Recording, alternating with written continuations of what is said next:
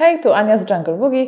Dzisiaj chciałam opowiedzieć Wam o akcesoriach, moim zdaniem niezbędnych albo przynajmniej bardzo przydatnych przy uprawie roślin domowych. E, czyli sobie porozmawiamy o takim niezbędniku e, do e, uprawy roślin, właśnie o takich rzeczach, które dobrze sobie gdzieś zgromadzić w jednym miejscu, w jednej szafce i mieć zawsze pod ręką, bo się naprawdę przydają. Kolejność będzie losowa, żebym o niczym nie zapomniała, zacznę od lewej. E, pierwsza rzecz, łopatka. E, łopatka jest bardzo pomocna przy przesadzaniu roślin, e, bo pomaga, po pierwsze, no można kilka rzeczy nią zrobić. Można łatwo wykopać bryłę korzeniową, jeżeli macie większą doniczkę i większy okaz, lub jeżeli jest taka roślina, która jest bardzo rozrośnięta i poprzyrastała korzeniami do boków osłonki, to można ją tak też delikatnie tą dookoła jak ciasto czasem odskrobać. E, można łopatką mieszać podłoża, jeżeli robicie własne i nakładać w łatwiejszy sposób, idzie szybciej i nie brudzimy tak aż bardzo rąk i paznokci. E, no i też można sobie nią pomóc przy pikowaniu, ale to jeżeli się bawicie w sadzonkowanie takie wiosenne. E, polecam Wam wybrać do domowej uprawy taką łopatkę o wąskim ostrzu, tak? Nie ma sensu, żeby to było duże, szerokie, bo będzie Wam po prostu niewygodnie. E, to jaka to będzie łopatka, to jest kwestia Waszego gustu, czy ona będzie tworzywowa, e, czy będzie taka właśnie bardziej metal plus drewno, to, to jest zdecydowanie w moim stylu.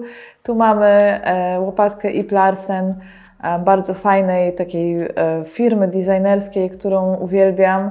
Trochę akcesoriów właśnie na stronie się też pojawiło, więc możecie, między innymi ta łopatka, możecie skorzystać, ale mówię, no, dla roślin nie ma to aż takiego wielkiego znaczenia, jaka ona będzie.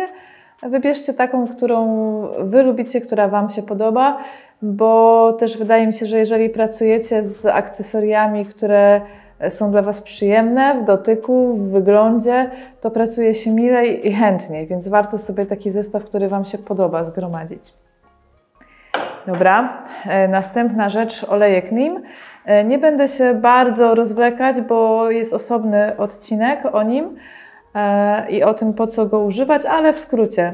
Jest to, słuchajcie, olejek naturalny, tłoczony na zimno z miodli indyjskiej, takiego drzewa. E, I ta miodra ma takie właściwości, które się wykorzystuje i w medycynie, i w kosmetologii, w ajurwedzie, i też w ogrodnictwie. Ma silne działanie bakteriobójcze, e, grzybobójcze, ale też insektobójcze. E, słuchajcie, wiem, że na przykład w Afryce się pije, tylko nie wiem w jakich proporcjach i jak dokładnie się robi, ale pije się po prostu profilaktycznie na malarię wywar z miodli. E, I generalnie jest to najsilniejszy, e, naturalnie występujący insektycyd w naturze. Tak? Czyli no już, już bardziej, jeżeli chcecie, nie chcecie używać chemii, to tylko korzystać z zasobów naturalnych, to to jest najsilniej działający środek na szkodniki. E, stosuje się go w ten sposób, że najpierw trzeba sporządzić roztwór, wlewacie łyżeczkę olejku na litr wody i do tego dobrze dodać pompkę płynu do naczyń lub delikatnego mydła naturalnego. No i mieszacie, mieszacie, mieszacie. E, olejek, jeszcze jedna sprawa, jeżeli jest e, chłodniej, on się krystalizuje, tak jak miód powiedzmy. Więc jeżeli tak się zdarzy, że tam będziecie mieć w buteleczce gluty, to się nie przestraszcie, nie jest zepsuty, ani nic nie jest z nim tak jak... E, tak jak też na przykład masło e, kokosowe, tak samo, nie? że jak jest gorąco, to jest płynne, jak jest zimniej, to się robi stałe. Tak samo jest z tym olejkiem, więc jeżeli Wam zastygnie, to po prostu pod ciepłą wodę albo w rękach trochę ogrzejcie i znowu się rozpuści. No i właśnie, jak już macie taki roztwór, łyżeczka olejku, litr wody, pompka płynu do naczyń, mieszacie, mieszacie, mieszacie i takim roztworem możecie albo spryskiwać rośliny e, profilaktycznie raz na miesiąc, raz na dwa miesiące, e, albo możecie zanurzać w nim czystą szmatkę miękką jakąś czy gąbkę i przecierać liście. I dodatkowa korzyść z tego jest taka, że one się wspaniale błyszczą po takim zabiegu i wolniej osadza się na nich kurz. No i oczywiście mają działanie na szkodnikobójcze. E, albo możecie takim roztworem też podlewać roślinę. Jeżeli robicie ten zabieg profilaktycznie, czyli nic tam jakiegoś, jakiejś inwazji nie ma, ale po prostu chcecie zapobiec, raz na miesiąc spokojnie wystarczy, raz na dwa E, jeżeli jest e, inwazja, coś tam się dzieje, no to oczywiście doraźnie reagujecie. Najpierw zawsze jest dobrze wymyć roślinę pod silnym prysznicem albo przynajmniej wytrzeć, jeżeli to jest roślina, która nie lubi mocnego moczenia i dopiero wtedy zastosować olejek. E, raczej unikajcie stosowania go do takich bardzo włochatych roślin jak ginura, które no, mają dużo kutnera i nie lubią moczenia liści, czyli na przykład łosierogi też bym nie przemywała, niekoniecznie. Dobra. E, kolejna rzecz, e, spryskiwacz. E, generalnie, jeśli chodzi o oprys, opryskanie roślin, żeby podnieść wilgotność powietrza, nie jest to bardzo efektywny sposób, bo to jest takie działanie tylko na chwilę, doraźne. Ta wilgotność się podnosi po, po spryskaniu miejscowo i tylko na trochę. E, natomiast no, wiadomo, wiadomo, że nawilżacz powietrza będzie działał zdecydowanie lepiej i tu Wam z całego serca polecam, jeżeli macie suche powietrze, nawilżacz będzie tysiąc razy lepszy niż spryskiwanie roślin. E, bardzo uważajcie też na spryskiwanie zimą, bo duża część roślin tego nie lubi i reaguje na to plamami. Może, mogą występować potem plamy grzybicze, e, albo na liściach mogą się pojawiać brązowe plamy. Więc zimą bym w ogóle bardzo ograniczała to zraszanie e, i też bym unikała w ogóle, niezależnie od pory roku, zraszania takich roślin e, jak na przykład begonie, trzykrotki, peperomie, które nie lubią moczenia liści, bo mogą po prostu liście od tego poczernieć, zbrązować, zrobić się brzydkie. E, natomiast śmiało jakieś takie rośliny jak monstery, jak patyczaki, jak choje możecie jak najbardziej zraszać. Tylko mówię, no nie, nie, nie oczekujcie po tym spektakularnych efektów, bo, e, bo to jest tylko takie działanie na chwilę. Natomiast co jest fajne, co można zrobić, to można faktycznie zraszać rośliny w momencie, kiedy jest upalne lato, jest wysoka temperatura. Wtedy zraszacie po to, żeby je ochłodzić. To jest takie dla nich jak chłodny prysznic, żeby się nie przegrzały i wtedy jak najbardziej. Tylko y, uważajcie też, nigdy nie spryskujcie, jeżeli rośliny stoją w słońcu. Czyli lepiej to zrobić, no oczywiście w zależności od wystawy, jaką macie, ale generalnie lepiej to zrobić rano. Najlepiej rano. I nigdy wtedy, y, kiedy słońce bezpośrednio pada na liście, bo taka kropla wody na liściu działa jak soczewka, skupia w sobie światło słoneczne i może super poparzyć liście. Także jeżeli one, może być jasno, może być upalnie, ale nie może na nie padać bezpośrednio słońce, jeśli spryskujecie. I wtedy faktycznie taki chłodny prysznic dla roślin jest, myślę, przyjemny. Dobrze spryskiwać zawsze wodą z e, odstaną, przefiltrowaną, bo od wody kranowej porobią się Wam takie zacieki białe na liściach, e, tak? Takie, no tak jak, na takiej samej zasadzie, jak osadza się kamień na czajniku. E, no i to, jaki to będzie spryskiwacz, to znowu jest zależne od Was. E, polecam nie iść w te takie najtańsze plastikowe, bo one się bardzo szybko psują i nie posłużą Wam długo. E, tutaj mam taki szklany e, spryskiwacz, ładny. Jeżeli lubicie tak jak ja, żeby rzeczy nie tylko dobrze służyły, ale też dobrze wyglądały, no to można iść w tą stronę. To jest szklany pojemnik i metalowy mechanizm.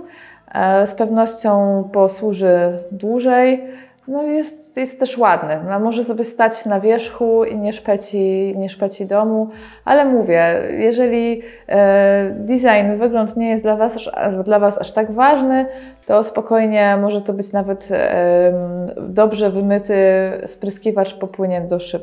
Też będzie ok. Dla roślin nie ma to znaczenia. Konewka. Konewka jest tematem ważnym, bo podlewamy rośliny często. To jeden z najczęściej używanych sprzętów. E, tutaj co jest ważne? Ważne jest, żeby konewka Wam dobrze leżała w ręce, żeby było Wam z nią wygodnie, e, żeby nie była ani zbyt ciężka, wielka, gigantyczna, bo będzie Wam źle. To znaczy, to też zależy. Jeżeli macie rośliny w jednym, dwóch miejscach w domu i nie ma ich dużo, no to okej. Okay. Jeżeli macie, tak jak ja, roślin kilkaset, i są pomieszczane również w trudno dostępnych miejscach. Ja muszę się wspinać po meblach, żeby je podlać. Muszę wchodzić na krzesła, na łóżko, e, na drabinkę nieraz. E, no to nie wyobrażam sobie robić to z pięciolitrową, wielką, ciężką konewką. Więc ona musi być na tyle poręczna, wygodna, żebyście mogli łatwo nią operować. ale też nie może być za maleńka, jeśli macie sporo roślin, bo wtedy będziecie musieli co minutę biegać i dolewać i to też jest męczące. Generalnie powinna być taka, żeby było Wam wygodnie i żeby to podlewanie nie było jakieś bardzo upierdliwe, żeby, żebyście byli w stanie jedną konewką trochę tych roślin obejść. No bo mm, no, żeby to się nie zrobiło dla Was nużące i nieprzyjemne. Róbcie wszystko, żeby ta pielęgnacja i zabawa z roślinami była jak najprzyjemniejsza dla Was. E, więc pierwsze to właśnie rozmiar i to, żeby była poręczna, żeby była dobrze wyprofilowana, żeby leżała ładnie w ręku. E, druga rzecz taka praktyczna, e, zwróćcie uwagę na to, żeby niektóre konewki są tak skonstruowane, że jak się je przychyli trochę mocniej, to woda się wylewa górą i zalewa podłogę, półki i wszystko. Więc na to też zwróćcie uwagę, żeby można było ją trochę przychylić. Co jest jeszcze ważne? E, żeby ten, żeby można było w niej sobie e, wymieszać coś, czyli ten otwór nie może być jakiś super mały na górze, e, bo czasem mieszacie nawozy przecież i różne odżywki. Natomiast to, czy konewka jest znowu z plastiku, stalowa, tworzywowa, to, to już jest wszystko kwestia Waszego gustu i tego, co lubicie. Jeżeli chcecie, żeby konewka stała na wierzchu i była ozdobna, no to warto dobrać taką troszkę bardziej właśnie czy metalową i w kolorze waszego mieszkania. Jeżeli będzie stała sobie w szafce, to zupełnie dowolnie. patrzcie, fajnie też mieć dwie konewki, żeby jedna miała e, taki e, dziubek, który jest fajnie wyprofilowany. Zobaczcie, on jest wąski i jeszcze tutaj na końcu e, nie jest tak prosto ścięty, tylko no, jest właśnie wyprofilowany. E, I dzięki temu jesteście w stanie podlać precyzyjnie mniejsze roślinki w mniejszych doniczkach e, i jesteście w stanie też precyzyjnie podlać rośliny, które e, nie lubią moczenia liści. Tak? Bo jesteście w stanie tym dzióbkiem po prostu precyzyjnie trafić tam, gdzie chcecie. Więc warto taką jedną doniczkę mieć do tych mniejszych okazów. E, a z kolei do okazów e, takich dużych dobrze mieć trochę szerszy wylot i bardziej prosty, żeby też samo nalewanie wody, gdzie, gdzie musicie do wielkiej donicy do, nalać jej sporo, nie trwało e, 20 minut.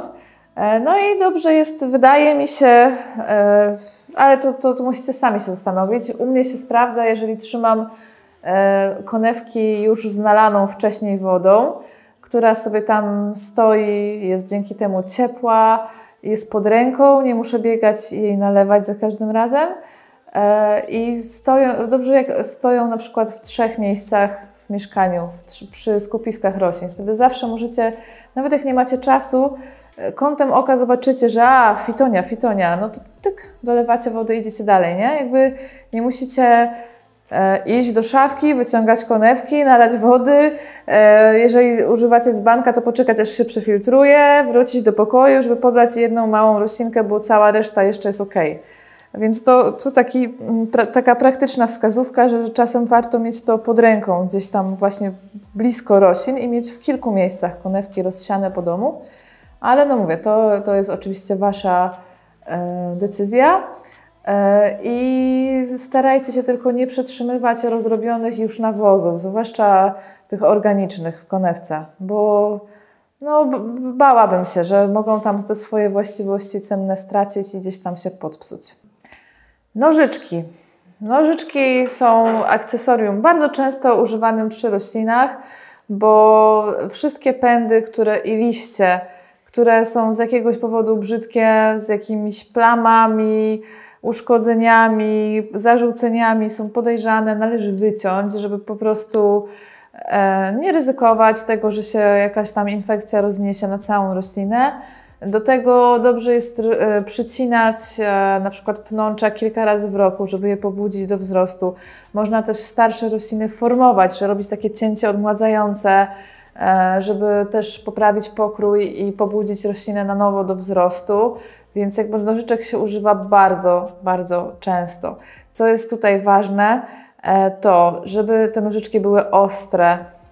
Mm, to jest najważniejsze, Bo pomyślcie o cięciu tak jak o jakimś drobnym zabiegu chirurgicznym na człowieku, tak? Jeżeli chirurg robi nacięcie, to po to ma super ostry skalpel, e, żeby je zrobić jednym ruchem, żeby nie e, szarpać tkanek, ich nie rozrywać, nie miażdżyć, żeby też ta rana była jak najmniejsza, żeby miała jak najmniejszą powierzchnię.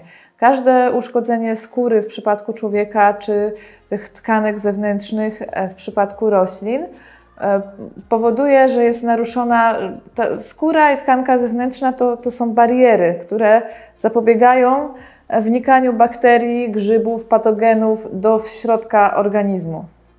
E, I po to właśnie mamy skórę, po, po, to są te wszystkie takie tkanki zewnętrzne. Jeżeli my naruszymy ich ciągłość, no to to jest takie pozostawienie otwartych wrót dla wszystkich właśnie patogenów, czyli dla chorób, szkodników, bakterii, wirusów, grzybów. E, tak, to jest po prostu otwarte wejście.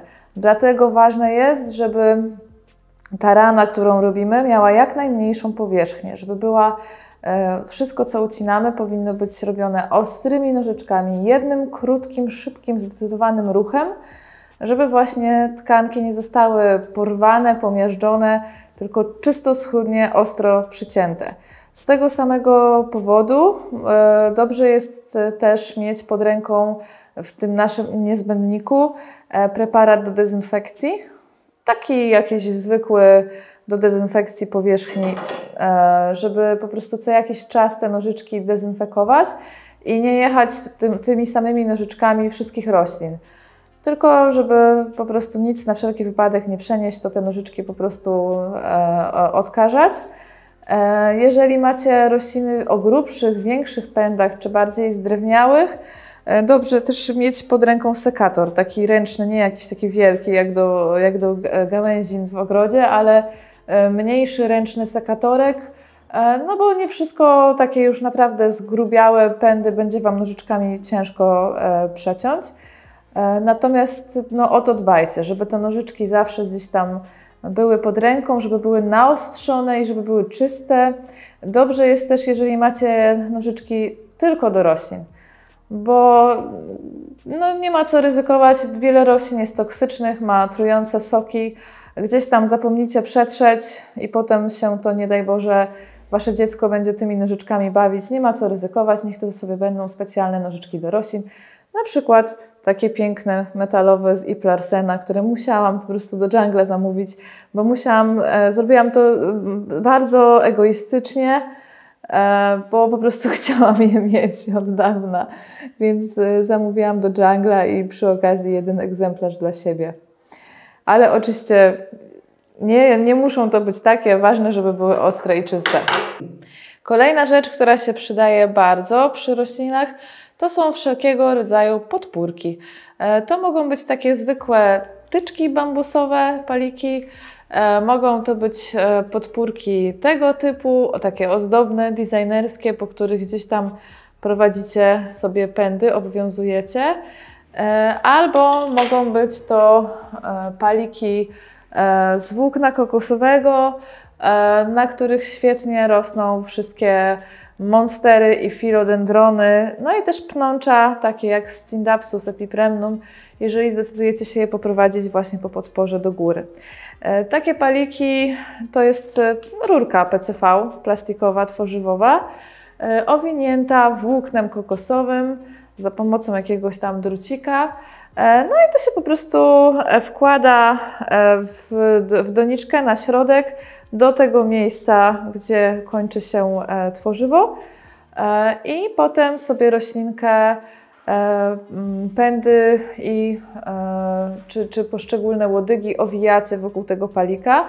E, na początku trzeba je przymocować i tu się Wam też przyda, nie mam akurat, żeby Wam pokazać, mam w domu, przyda się drut florystyczny, to taki albo jakikolwiek inny drucik, ważne, żeby był dość miękki, albo takie specjalne zapinki do roślin, albo zwykły sznurek parciany i na początku po prostu te łodygi i pędy E, owijacie, czy tam zawiązujecie e, wokół palika.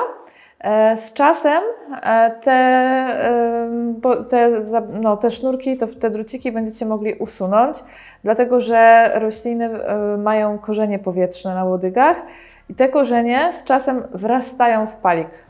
Czyli roślina się zaczyna sama trzymać po prostu kurczowo tego palika, e, bo e, w naturze rośnie tak wspinając się po drzewach po prostu. Tak? Wszystkie filodendrony na przykład w ten sposób rosną, że nie wytwarzają własnej takiej sztywnej, grubej e, łodygi, tylko po prostu rosną wspinając się po drzewie i korzeniami powietrznymi, tak jak pazurkami, wczepiają się w drzewo, więc one z czasem Wam same wrosną w palik i te wszystkie sznurki będziecie mogli usunąć.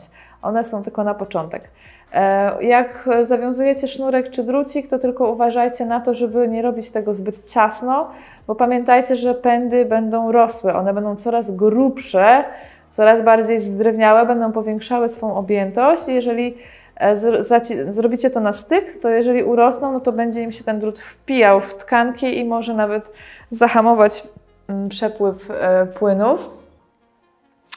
Kolejna rzecz, e, taka warta polecenia, jeżeli wybieracie się na urlop na przykład, to są nawadniacze. E, do nawadniaczy nalewa się wody i wtyka się w podłoże e, i wtedy ta woda stopniowo jest uwalniana do ziemi, jest jakby przez nią zasysana w momencie, kiedy jest już sucho. Natomiast polecam, wypróbujcie to zanim wyjedziecie, nie róbcie tak, że swoje najdroższe okazy bez wcześniejszej próby po prostu zostawicie z tym i pojedziecie, bo e, no, trzeba wypróbować, czy nie będzie ta woda na przykład wypływać trochę nam za szybko. Ale to jest taka fajna opcja właśnie jak się gdzieś wyjeżdża. No i jeszcze nam zostały e, dwa sprzęciki. Pierwsza rzecz to jest termometr połączony z hygrometrem. E, to jest urządzenie, e, które można sobie albo gdzieś postawić, bo ma z tyłu, zresztą Wam pokażę, ma z tyłu taką nóżkę. O, że można to sobie postawić, tak jak zdjęcie. A tu jest też e, miejsce na gwoździk, więc można też, jeżeli wolicie, powiesić na ścianie. E, I to właściwie powinnam, jeżeli bym miała mówić o ważności rzeczy, to powinnam była od tego zacząć. To jest bardzo ważne urządzonko, które kosztuje parę złotych, ale każdy powinien je mieć. E, pierwsza rzecz, no to mierzy temperaturę. No to wiadomo, tak, że warto wiedzieć, ile mamy stopni w pokoju, żeby gdzieś tam tą temperaturę dla roślin dobrą dopasować, bo pamiętajcie, że większość tropikalnych toleruje temperaturę tylko do 16 stopni, a poniżej to już jest dla nich szkodliwe i nie lubią też bardzo wielkich upałów. Ale znacznie ważniejsza jest ta druga skala e, na tym urządzonku, hygrometr powietrzny, który mierzy wilgotność powietrza, jaka jest u Was w danym pomieszczeniu. E, to jest ten, e, ten, ta, ten, ta mniejsza skala. E, dla roślin tropikalnych dobrze, żeby to było przynajmniej 55%, to jest takie absolutne minimum.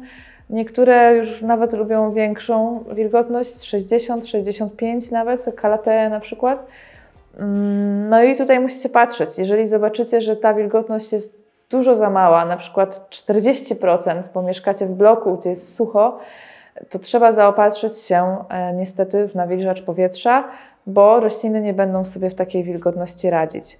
E, będą im obsychać brzegi liści, e, nie będą rosły tak jak trzeba, natychmiast zaczną się Wam pojawiać wciornastki, przędziorki, wełnowce. Generalnie roślina będzie w kiepskiej kondycji, będzie właśnie bardziej podatna na ataki szkodników, no i nie będzie wyglądać estetycznie, bo, bo jej warunki nie zostaną spełnione. Oczywiście to się tyczy tych takich bardziej wymagających roślin tropikalnych.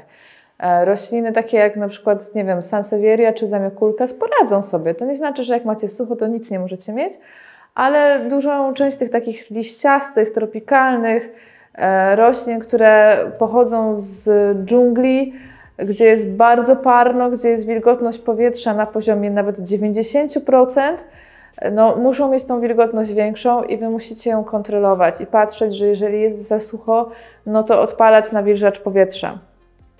E, pomaga też na podniesienie wilgotności E, jeżeli rośliny grupujecie razem, rośliny postawione po kilkanaście sztuk w jednym miejscu naprawdę podnoszą wilgotność powietrza dość mocno. E, no i co? I, I, warto sobie zrobić taki nawyk, żeby zerkać na ten hygrometr parę razy dziennie i zobaczycie, jak bardzo też ta wilgotność się zmienia. Jeżeli wywiesicie pranie, ona rośnie. Jeżeli przewietrzycie pokój, natychmiast spada. Po, popróbujcie sobie i zobaczycie, jak szybko i jak mocno się potrafi zmienić w ciągu dnia, nawet w tym samym pomieszczeniu. E, jedna rzecz, a propos jakby użytkowania termometru tego, e, to jest urządzenie analogowe, a nie cyfrowe. E, w związku z tym jest podatne na wstrząsy i gdzieś tam w transporcie czy w magazynie może się rozkalibrować. Jeżeli zobaczycie, że no, pokazuje niemiarodajny wynik, bo na przykład pokazuje Wam 10 stopni w pokoju, a wiecie, że jest tam około 20, E, to tutaj z tyłu są takie śrubki i trzeba po prostu e, urządzenie skalibrować. E, I tutaj Szymon się podjął, że wrzuci Wam link do tego, jak kalibrować taki termometr i hygrometr, żebyście sobie mogli sprawdzić, jeżeli coś, coś będzie nie, nie tak. Link będzie tutaj. Dobra. Ostatnia rzecz na dziś, hygrometr glebowy. E, czyli miernik wilgotności podłoża. E, bardzo przydatne urządzonko e, do sprawdzania, czy już podlać roślinę, czy nie. O hygrometrze jest cały filmik, więc możecie go sobie tutaj obejrzeć, gdzie też podaję, jakie wartości są przy, dla, dla danej rośliny. Ja tak tylko dzisiaj w skrócie. Generalnie to jest urządzenie, które wtykamy bardzo głęboko, jak najgłębiej w doniczkę. E, I na 10-stopniowej skali pokazuje nam, jaka jest wilgotność gleby.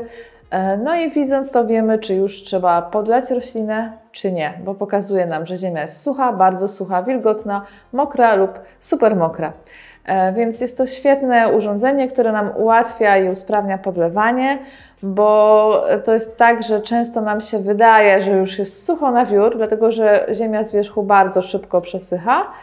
E, a tymczasem, zwłaszcza w podłożach bogatych w włókno kokosowe, może być tak, że faktycznie na górze jest super sucho, a e, nisko na wysokości korzeni jest jeszcze bardzo, bardzo, bardzo mokro. I jeżeli Wy, nie wiedząc o tym, podlejecie ponownie roślinę, to na 90% doprowadzicie do zgnicia korzeni i do śmierci rośliny. Więc warto sobie jednak hygrometrem sprawdzić, jak tam jest naprawdę przy dnie, przy korzeniach. E, bardzo Wam ten hygrometr polecam. On się naprawdę świetnie sprawdza. E, ma też tutaj, można go przełączyć w ten suwaczek w drugie położenie e, i pokazuje wtedy pH podłoża, więc to też jest przydatne, mm, żeby wiedzieć, czy macie ziemię kwaśną, lekko kwaśną, czy zasadową, czy obojętną. Większość roślin tropikalnych lubi podłoże lekko kwaśne tak? czyli troszkę poniżej siódemki.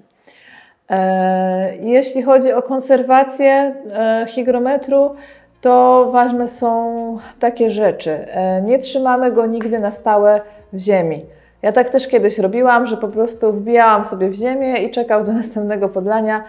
Nie róbcie tak, bo, bo wtedy ten, te mierniki tutaj, które są, są na, na dnie, zaczynają wariować, nie, nie odczytują pomiaru tak jak należy. E, po każdym użyciu hygrometr należy wytrzeć do sucha i przechowywać w suchym, ciepłym miejscu, nie, nie, nie mokrym zupełnie. E, I też jest, jeżeli e, widzicie, że z jakiegoś powodu przestał hygrometr odpowiednio działać, można te końcóweczki trochę podszlifować papierem ściernym, tak, żeby, żeby go przywrócić do działania.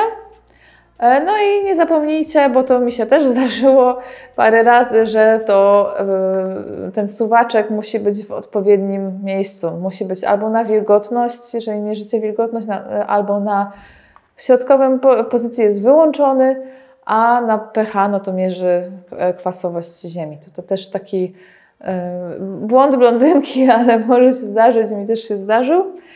E, no dobra, z grubszy. A, jeszcze jest jedna bardzo, bardzo ważna rzecz, którą warto mieć ze sobą e, w swojej szafeczce, niezbędniku.